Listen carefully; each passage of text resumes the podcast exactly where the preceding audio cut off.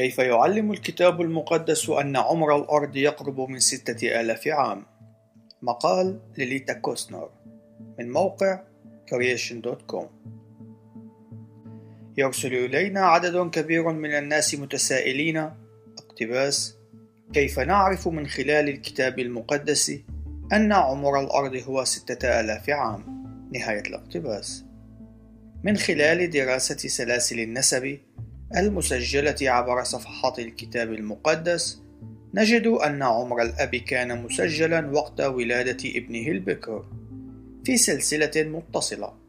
تنتهي هذه السلسلة بعد فترة قصيرة من زمن نوح. فكيف تم حساب الزمن مما يقارب من 1600 عام منذ بدء الخليقة إلى يومنا الحاضر؟ والذي نعتقد أنه يكافئ ما يقرب من ستة آلاف عام منذ بدء الخليقة. عنوان: ما مدى دقة معرفتنا بعمر الأرض؟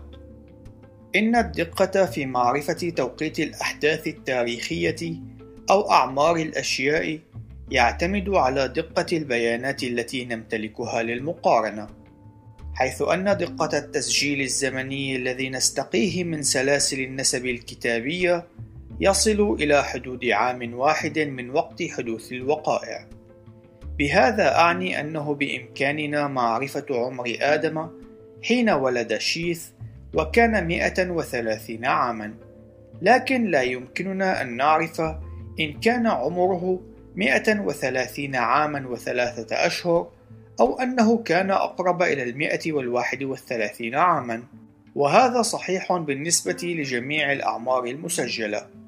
وبالتالي حين نقوم بجمع الأعمار من سلسلة النسب الكتابية نصل إلى معرفة زمن وقوع طوفان نوح وهو في عام 1656 منذ بدء الخليقة. بزيادة تصل إلى عشرة أعوام كحد أقصى. ذلك أننا نمتلك عشرة أرقام أي أعمار بهامش خطأ يصل إلى عام واحد لكل منها. إن كانت كل الأعمار قد سجلت وهي أقرب إلى ذكرى المولد التالي لصاحبها، على سبيل المثال، آدم كان بعمر 130 عاما وأحد عشر شهرا حين ولد شيثا، وشيث كان بعمر 105 أعوام وأحد عشر شهرا حين ولد أنوش وهلم جرى فإنه من الممكن أن وقت حدوث الطوفان كان في عام 1665 ولكن من الواضح أن هذا الهامش من عدم اليقين لن يقدم مبررا لأولئك الذين يرجون إضافة آلاف السنوات إلى التاريخ البشري. عنوان: من الطوفان إلى الآباء البطاركة يوجد في الإصحاح الحادي عشر من سفر التكوين إحدى عشرة حلقة في سلسلة زمنية غير منقطعة للنسب من شيث إلى إبراهيم ويتوفر لدينا من مواضع أخرى في سفر التكوين معلومات تساعدنا على التوسع في سلسلة النسب لنصل إلى وقت استيطان الإسرائيليين في مصر حيث كان يعقوب يبلغ 130 عاماً. من خلال تلك الأرقام فإن يعقوب ذهب إلى مصر في حوالي العام 642 بعد الطوفان بهامش زيادة يصل إلى 12 عاما أو في العام 2298 منذ بدء الخليقة مع هامش زيادة أقل من 22 عاما. إن سلسلة النسب الكتابية تقف هنا مع بقاء حوالي 2000 عام حتى ميلاد المسيح. فكيف نمدد الجدول الزمني بعد ذلك؟ عنوان من الآباء البطاركة إلى الخروج. يقول سفر الخروج في الإصحاح الثاني عشر في الآية أربعين بأن إسرائيل بقيت في مصر لمدة أربعمائة وثلاثين عاما وهذا يتوافق بشكل جيد مع سفر التكوين في الإصحاح الخامس عشر في الآية الثالثة عشر.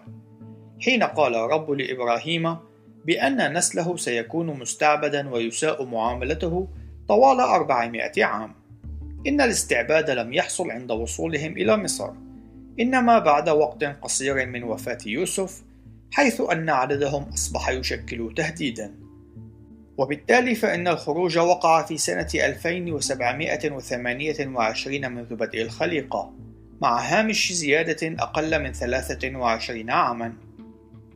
عنوان: من الخروج إلى الملوك. نحن نعلم أن إسرائيل تاه في البرية لمدة أربعين عامًا، وهذا يفيد بأنهم دخلوا أرض الموعد في العام 2768 منذ بدء الخليقة، مع هامش زيادة أقل من 24 عامًا. لكن في تلك المرحلة يحمل التسلسل الزمني بعض الغموض ذلك كوننا لا نعرف بالضبط كم هي المدة التي استغرقها الدخول إلى الأرض أو كم هي المدة حتى حكم القضاة في إسرائيل. لقد أخبرنا بالمدة التي حكم فيها كل قاض والمدة التي عم فيها السلام إلا أن بعض هذه التواريخ يتداخل بشكل واضح حيث أن بعض القضاة حكموا جزءا من إسرائيل في ذات الوقت الذي كان قاض آخر يحكم جزءا آخر. لكن لدينا إفادة واضحة في سفر الملوك الأول تسمح لنا بمواصلة تسلسل زمني موثوق. سفر الملوك الأول في الإصحاح السادس في الآية الأولى يقول اقتباس وكان في سنة الأربعمائة والثمانين لخروج بني إسرائيل من أرض مصر في السنة الرابعة لملك سليمان على إسرائيل في شهر زيو وهو الشهر الثاني أنه بنى البيت للرب. نهاية الاقتباس. بالتالي إذا خصمنا 124 عاما أي 40 عاما للتيهان في الصحراء و40 عاما لحكم شاول و40 عاما لحكم داود وأربعة أعوام من حكم سليمان. نحصل على نتيجة تبلغ 356 عاما لحكم القضاة. وهذه النتيجة تتلائم بشكل جيد مع الأرقام المستخلصة من أيام القضاة.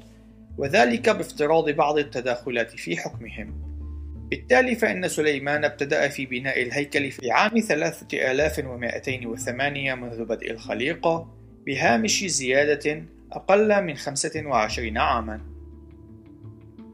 عنوان: من الملوك إلى السبي. بالمرور على فترات حكم ملوك يهوذا وبافتراض عدم وجود تقاطعات في فترات الحكم فإننا نجد أنه من بناء المعبد إلى سبي يهوذا حوالي 429 عام ونصف بهامش زيادة أقل من 21 عاما. لكننا عارفون بوجود تقاطعات في فترات حكم ملوك يهوذا بالمقارنة مع ملوك مملكة إسرائيل.